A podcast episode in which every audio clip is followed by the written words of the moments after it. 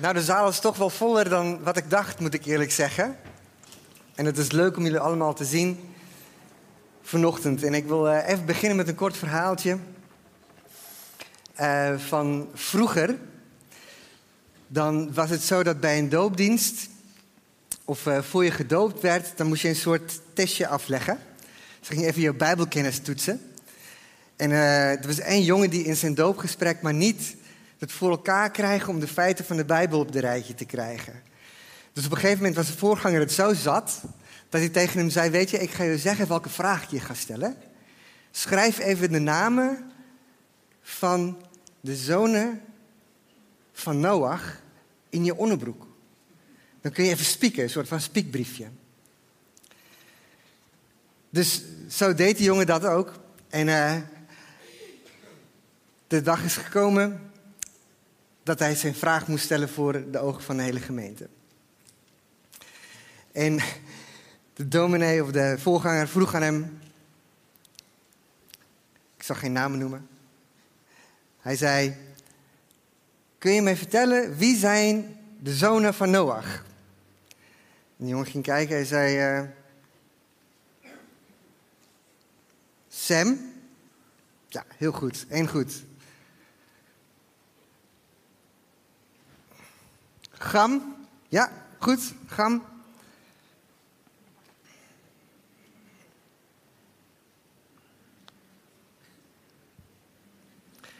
En Bjornborg. nou, het is maar een verhaaltje. Uh, ik ga beginnen met het lezen van de Bijbel, de openen van de Bijbel. Voor degenen die me niet kennen, mijn, mijn naam is André. Ik sta namelijk in een andere hoedanigheid vaak hier. Uh, en ik vind het heerlijk om vanochtend het woord van God met jullie te openen. Ik ga Fiona vragen om uh, met jullie te lezen. Uit Genesis, jij mag die uh, microfoon pakken. Fiona is mijn vrouw. En ik ben gewend tegenwoordig om als ik ergens spreek, om uit ontzag en eerbiedigheid voor God de gemeente te vragen om bij het lezen van het schrift te staan. Dus ik wil je vragen om nog één keer te gaan staan uit ontzag en eerbied voor, uh, voor God. Genesis 8, vers 6 tot 12. Na verloop van 40 dagen deed Noach het venster dat hij in de ark had aangebracht open en liet een raaf los. Deze bleef heen en weer vliegen totdat de aarde droog was. Vervolgens liet hij een duif los om te zien of het water op het land verder gedaald was. Maar de duif kon nergens een plekje vinden waar ze kon neerstrijken om te rusten. En kwam bij hem terug in de ark, want overal op de aarde was nog water. Hij stak zijn hand uit, pakte haar en nam haar weer bij zich in de ark. Hij wachtte nog zeven dagen en liet de duif toen opnieuw los. Tegen de avond kwam ze bij hem terug met een jong olijfblad in haar snavel. Toen wist Noach dat het water op de aarde verder gedaald was. Weer wachtte hij zeven dagen en daarna liet hij de duif nogmaals los. Ze kwam niet meer terug bij hem. Ja, dank u wel, Heer, voor uw woord. En ik bid dat deze woord tot ons mag spreken vanochtend door uw geest, in Jezus' naam. Amen. Amen. Jullie mogen plaatsnemen. In de 18e eeuw was er een man, of een priester was het eigenlijk, met de naam Jean Vollier. Niet te vergelijken of uh, uh, te mix-up met degene die uh, in Lemensraad spelen. Jean Vollier. En hij had een community in Zwitserland, in de bergen. En hij heeft heel veel communities geleid, een beetje soortgelijk aan wat wij hebben hier. en wat we ook hebben in onze kleine communities. En hij is erachter gekomen dat in het leven van een community zijn er vaak drie fases. De eerste fase is euforie. De tweede fase is ontnuchtering. In de derde fase is acceptatie en toewijding. En als je dat legt op het verhaal van Noach, dan kan ik me voorstellen, we hebben niet het hele verhaal gelezen, lezen, want het is natuurlijk best wel een lang verhaal. Maar het verhaal gaat zo dat God heeft Noach de opdracht gegeven om een ark te bouwen. Het water kwam, de regen kwam van boven, van onder staat de Bijbel en de ark ging drijven. En ik kan me voorstellen dat de eerste gevoel van Noach en zijn gezin was euforie. Van wauw, we zijn gered. God heeft ons gered. Wij zijn samen, wij zijn samen in eenheid. En we zijn zo dankbaar voor wat God heeft gedaan. En het is ook vaak zo bij ons, hè, dat als wij onze eerste ontmoeting met Jezus is een soort euforie. En dan vaak komt er toch wel een stukje ontnuchtering. En de ontnuchtering bij Noach en zijn gezin, geloof ik, was ook het feit dat ze gewoon echt best wel een tijd met elkaar opgesloten zaten. In een kleine ruimte. En ze konden niet weg. Fiona en ik waren uh, getrouwd uh, eh, 19 september 2009. En ik heb tegen haar gezegd, weet je, doe de bruiloft. Ik doe de huwelijksreis. Ik regel het wel. Dus ik dacht, wat, wat vind ik leuk? Wat zal zij waarschijnlijk ook leuk vinden? Kleine side note. Toen wij gingen trouwen, toen kende ik haar nog niet zo heel goed. We kenden elkaar van navigators en zo. En uh, we hielden van elkaar en we willen ons leven samen doorbrengen. Maar we kennen elkaar nog niet zo goed. Even, denk even, onthoud dat. En het was een verrassing voor haar. Dus wij gingen op het vliegtuig, na de bruiloft gingen we op het vliegtuig. Ik heb een soort van geblinddoekt. Zij mocht nergens kijken op Schiphol waar we waren. En nou, als je dat, dat nu doet, dan strijkel je over mensen koffers. Dus toen was het nog rustiger. En we kwamen bij de gate aan, nog steeds ogen dicht. En we stapten op het vliegtuig en ze hoorden Barcelona. Helemaal top, zou je denken. Zoals uh, Victor Brandt zegt altijd bij meester Frank Visser. we kwamen bij Barcelona aan en Fiona denkt, ach, fantastisch. Wat gaan we daar allemaal meemaken? We stapten in een taxi en we reden uit het prachtige gedeelte van Barcelona, Barcelona de haven in. En daar lag een hele grote cruiseschip klaar voor ons. Ik wist het wel, maar ik wist niet hoe groot de introvert Fiona was. Ik dacht, wauw, 4000 nieuwe vrienden op een boot. En Fiona dacht, help, 4000 mensen op mijn huwelijksreis. Nergens ontsnappen aan. Je zit met elkaar opgesloten in de boot. Dus ik, ik denk dat ze een beetje voelde zoals Noach en zijn familie. Na een tijdje waren we een fantastische huwelijksreis. We mochten in de sauna met een paar mensen, maar het was gewoon fantastisch. Maar ik kan me voorstellen dat op een gegeven moment bij Noach en zijn familie ook de ontnuchtering kwamen. kwamen. Noach snurkte. En mevrouw Noach kon Noach niet naar de leeuwen sturen, of naar de logeerkamer sturen, want daar liggen de leeuwen. Arme Sam, die krijgt het steeds op zijn hoofd, want die trekt de wc niet door. Ze gingen spelletjes doen, maar ze gingen ruzie met elkaar maken. En 50 seconds was sowieso nog niet heel veel feiten in het leven. Dus het was ook maar een beetje saai. Maar wat vaak gebeurt als wij met elkaar opgesloten zitten in een kerk, op je werk, in een huwelijk, is dat er irritaties komen. Dat je elkaar gaat triggeren. In de laatste fase de acceptatiegedeelte, is waar je zegt van weet je, it is what it is, hier moeten we het mee doen. Ik accepteer mijn eigen fouten, ik accepteer jouw fouten en wij moeten dit samen doen. En ik denk dat de meeste van ons, ik in ieder geval wel, wij zitten ergens tussen dat ontnuchtering en teleurstelling en acceptatie in. En het wisselt wel eens. Soms kan je van alles accepteren, maar af en toe dan word je ook getriggerd. En ik kan me voorstellen dus dat wij ook gewoon aan het begin, als je Jezus leert kennen, dat je gewoon echt een euforie heeft. Maar het leven is niet altijd makkelijk. En wat ik wil doen is, ik heb, ik heb gebeden over, wat kan ik vertellen over de raaf en de duif. En ik hoop dat ik jullie vanochtend mag bemoedigen met wat we kunnen leren van dit verhaal. Ik ga beginnen bij de raaf. We lezen in het verhaal, we lazen het verhaal dat, uh, dat Noach liet een raaf los. En ik kan me dus voorstellen dat, de, dat de, de kinderen en mevrouw Noach, die kwamen op dek om te kijken wat gaat er gebeuren. Want ze zagen land al op dat moment. Ze zagen het land en ze konden uitkijken en hij liet de raaf los. En wat gebeurde er? Ze stonden, de staat, de raaf bleef heen en weer vliegen. Dus ze stonden op dek, ze hadden uitzicht op het land, maar hun ogen gingen heen en weer. Net zoals een tenniswedstrijd of pingpong, heen en weer. De, de raaf bleef maar vliegen.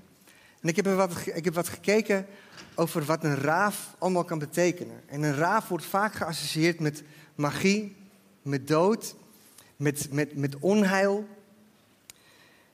En wat wij doen als wij getriggerd worden, of wat wij vaak in belanden als wij pijn ervaren, is we blikken onze ogen, onze ogen blijven vastgevangen op iets wat nergens naartoe leidt. Naar dingen wat naar de dood leidt. En Johannes 10, vers 10 zegt: Een dief komt alleen om te roven. Deze heb ik trouwens niet aan jullie doorgegeven, sorry. Een dief komt alleen om te roven, te slachten en te vernietigen. Maar ik ben gekomen om het leven te geven in overvloed. Dat zegt Jezus. De dief komt om te roven, te slachten en verwoesten. De vijand wil heel graag onze aandacht vasthouden dat we niet de werkelijke oplossing kunnen zien. Mary Oliver zei: focus of aandacht is het begin van toewijding. Dat waar je jij continu je blik op richt, dat is degene waar uiteindelijk je toewijding naartoe gaat. We willen dit heel vaak niet. We willen vaak iets anders. Alleen onze toewijding is vaak op de dingen. En C.S. Lewis zegt: de geschiedenis van de mensheid is één lange verhaal van hoe de mens probeert om gelukkig te worden zonder God. We willen een oplossing. Als je vastzit, je zit met pijn, je zit met triggers. We willen een oplossing, maar vaak houden we onze ogen op iets wat nergens naartoe leidt. En dan komt het verhaal van het duif. En er gebeuren drie dingen en ik ga ze stap voor stap even met jullie langs. En ik wil beginnen met de duif als tegenwoordigheid van God.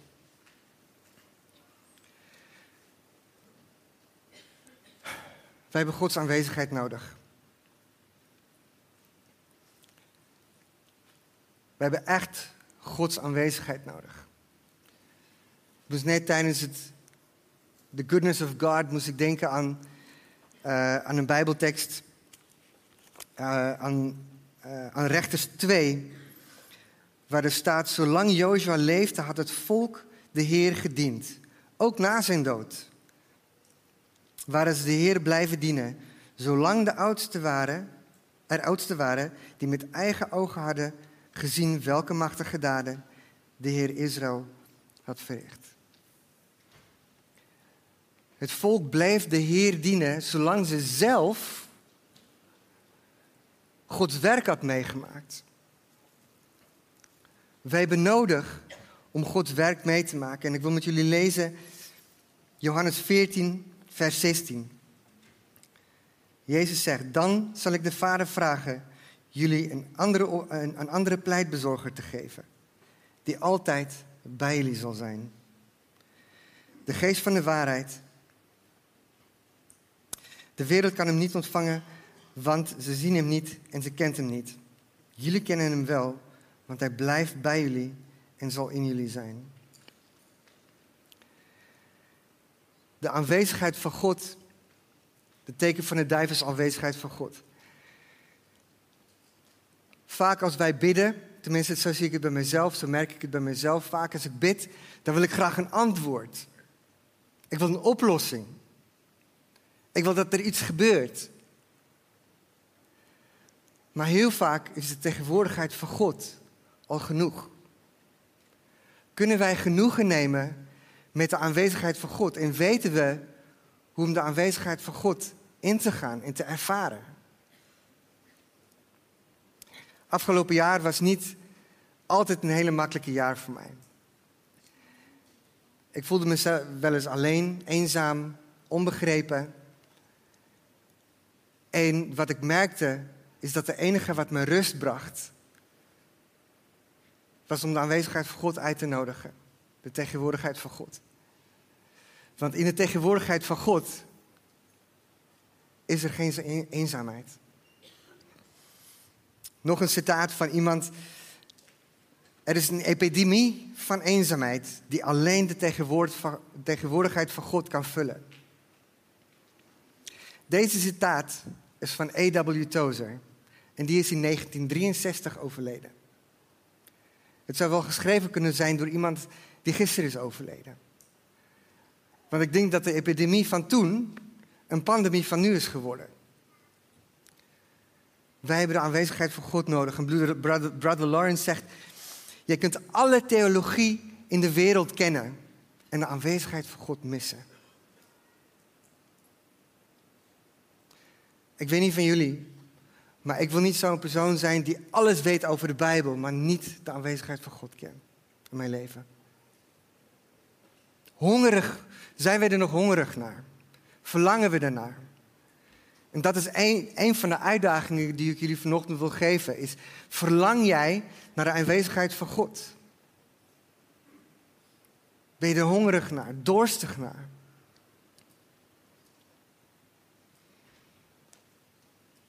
Brother Lawrence, die ik net ook heb gesteerd, die zegt ook... Het is zo cruciaal dat wij leren om de tegenwoordigheid van God te beoefenen. En hoe ik dit vaak doe, is gewoon mijn ogen dicht te doen. En we gaan het zo meteen aan het eind van de preek gaan we het ook doen met elkaar. Om de tegenwoordigheid van God uit te nodigen. En te zeggen van Heer, raak me aan. Dus de eerste is, hij liet de duif weg en de duif kwam terug. En ik gebruik het als beeld van Gods tegenwoordigheid. De tweede is de duif als teken van hoop. Wie vanochtend hier heeft hoop nodig? Zijn er mensen die hoop nodig hebben? Steek maar gewoon, doe maar gewoon je hand omhoog. Ik wil tegen je zeggen dat de duif, de aanwezigheid van God, is het teken van hoop. Johannes 14, vers 26, die staat wel op de beamer. Later zal de pleitbezorger, de Heilige Geest, jullie Vader in mijn naam zal zenden, jullie alles duidelijk maken en alles in herinnering brengen wat ik tegen je gezegd heb.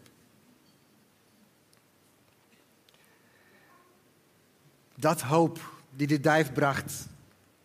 Bart heeft zo'n mooi kettingje om met een duif, met een takje eraan. Voor iedereen van ons ziet die hoop er anders uit.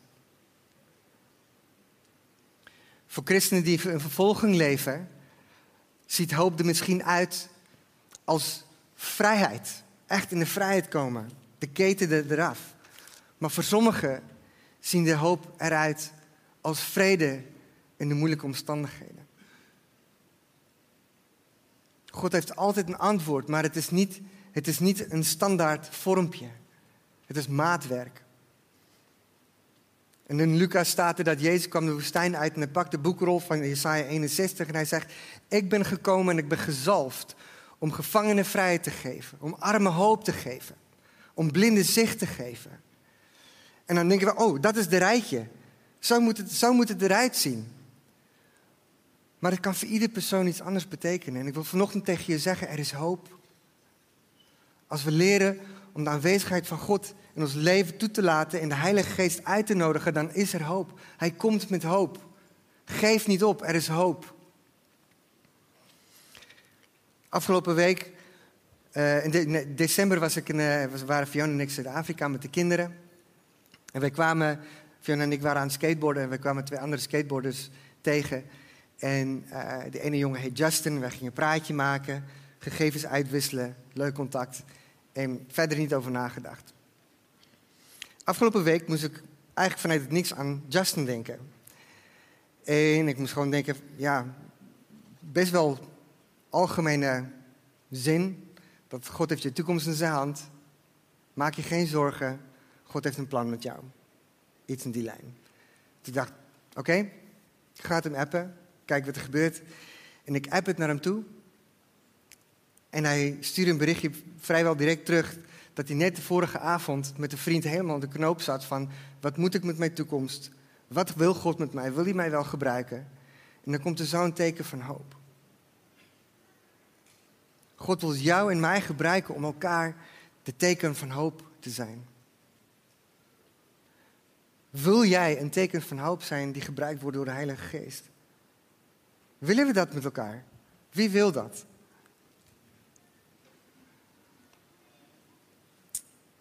De duif als teken van hoop. Tozer zegt, en ik, ik citeer best wel A.W. Tozer, een beetje fan, een beetje fanboy van Tozer. Ehm, hoe zullen we leren om Gods stem te verstaan als wij steeds aan het praten zijn wanneer we bidden? Kunnen we stil zijn om Gods stem te verstaan?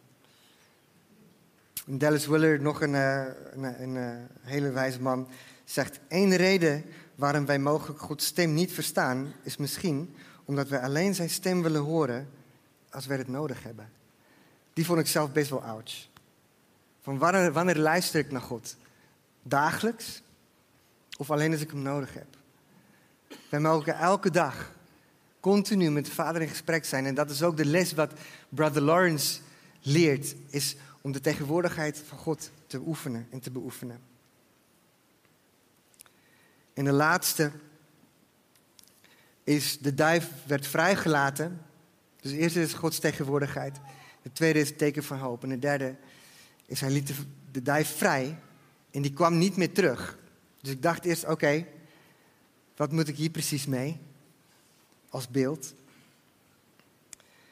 En wat ik, wat ik zag is als het ware hoe de duif ging naar het land die ze al zagen, ergens. En hoe hij zijn nest ging maken, want dat zegt erbij, hij ging, hij ging een plek vinden om te rusten. En dit is heel vaak hoe God werkt. Als wij zoeken en vragen naar antwoorden, dan voelt het misschien alsof dat Heilige Geest, of de, alsof de duif en de Heilige Geest niet terugkomt.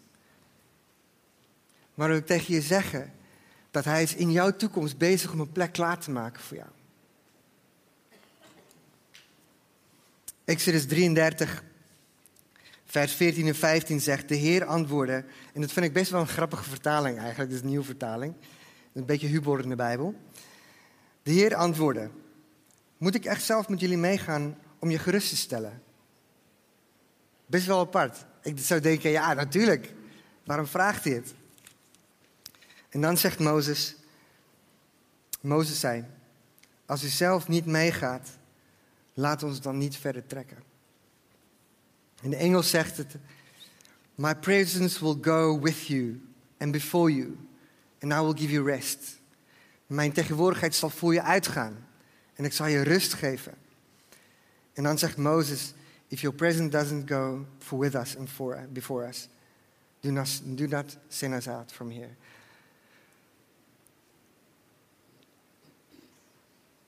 De tegenwoordigheid van God leidt ons en bereidt onze toekomst voor. Theo en Harmke uh, waren vorige week, of een tijdje geleden, waren ze bij ons wezen eten. En ik heb al een tijdje op mijn hart om gewoon een, een, een, een soort opleiding te volgen, een pastorale zorgtype opleiding. Um, maar goed, dan zie je natuurlijk alle beren op de weg. Van ja, je moet vijf de weg en uh, laat ik Fiona alleen terug, alleen met de kinderen. En zij heeft heel, we hebben het erover gehad al. En zij heeft heel vaak tegen mij gezegd: Fijn, ik red het wel met de kinderen. Het komt goed, doe het. Maar op een of andere manier voelde ik niet de vrijheid of de, iets in mij strubbelde tegen. En Theo en Harmke waren bij ons en hij vertelde over een, uh, een cursus die hij heeft gedaan en wat het hem heeft gebracht. En ik noemde zo tussen neus en lippen door van ja, ik, wil, ik, ik zit ook eigenlijk na te denken al een tijd, twee jaar, over een cursus die ik wil doen, een opleiding. En uh, nou, het gesprek ging verder aan het eind van de avond, vlak voor ze weggingen, toen zei Theo, even, ik, net zoals Theo kan, nou, ik wil nog even terugkomen op wat je zei. Je had het over die opleiding, waarom doe je het niet? Schrijf je gewoon in. Meld je aan. Waarom niet? En op dat moment dacht ik, ja, eigenlijk ook waarom niet? En ik had echt het idee dat God iets in mij, in iets daar moest voorbereiden en het klaar moest maken iets in mijn toekomst dat ik kon navolgen. En Fiona en ik zitten nu ook in een fase waar wij samen nadenken over onze toekomst. Waar we samen zeggen, Heer, wat wilt u met ons? Waar, waar wilt u ons hebben? Wat moeten we doen? En het is een beste zoektocht. En we zitten heel erg op de wipwap. Van nou, dan dit, dan dit, dan dit. Het is niet echt een duidelijke antwoord nog, maar we willen openstaan. En een paar weken geleden, toen waren we hier aan het aanbidden in die kerk. We zaten daarachter. En na afloop, ik zag Fiona best wel emotioneel. Nou, dat is op zich niet. ja, dat is niet de eerste keer, zeg maar. Dit gebeurt best wel vaak uh, als God haar raakt. En na afloop vroeg ik haar, wat, wat gebeurde er precies? Zo gaat er gesprekken dan in de auto. En toen zei zij dat ze moest denken aan dit waar we over aan het nadenken zijn. En dat ze moest denken dat God aan haar vroeg: van ben je bereid om mijn tegenwoordigheid te volgen, daar waar het gaat? En ze zei haar hart: ja, Heer, dat wil ik, dat willen wij. En net toen ze het zei, toen zongen we de blessing. Ik weet niet wie het weet, maar een van de teksten in de blessing is: May your presence go before us. En toen was het dus sluizen open.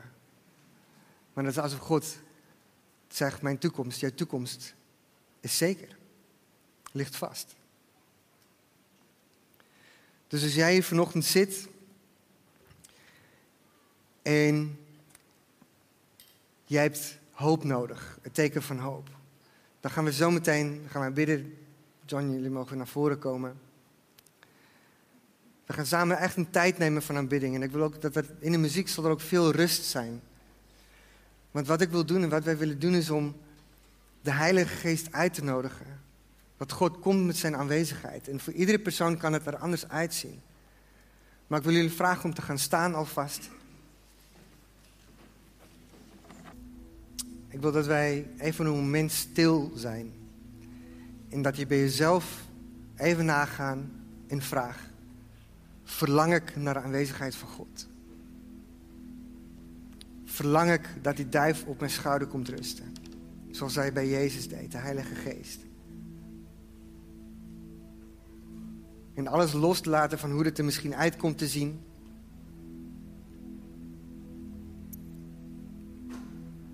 En ik wil ook best wel eerlijk tegen jullie zeggen. Dit is de eerste keer dat ik uh, in de ochtenddienst mag spreken in de VBG. En ik vond het best spannend. En de reden waarom is omdat ik ging spreken over de Heilige Geest. Ze vroegen welke dier wil je over praten. Ik zei, duif, duif hier, pick me alsjeblieft, duif. Dus mocht. En toen dacht ik een paar weken later, oh, mijn hemel. De Heilige Geest. En dit waar ik geloof voor heb vanochtend, is niet iets wat ik kan maken of kan doen. Ik wil zometeen uit de weg staan, zo goed ik kan. En de Heilige Geest de ruimte geven om te werken en te doen wat Hij wil doen. Dus mijn vraag aan jou vanochtend, en ik wil het ook aan de kinderen vragen. Als je hier bent, denk na, zou je graag de Heilige Geest willen ontmoeten? Zou je graag zijn aanwezigheid willen ervaren? Dus Denk er even over na, over die vraag. Wil ik dat?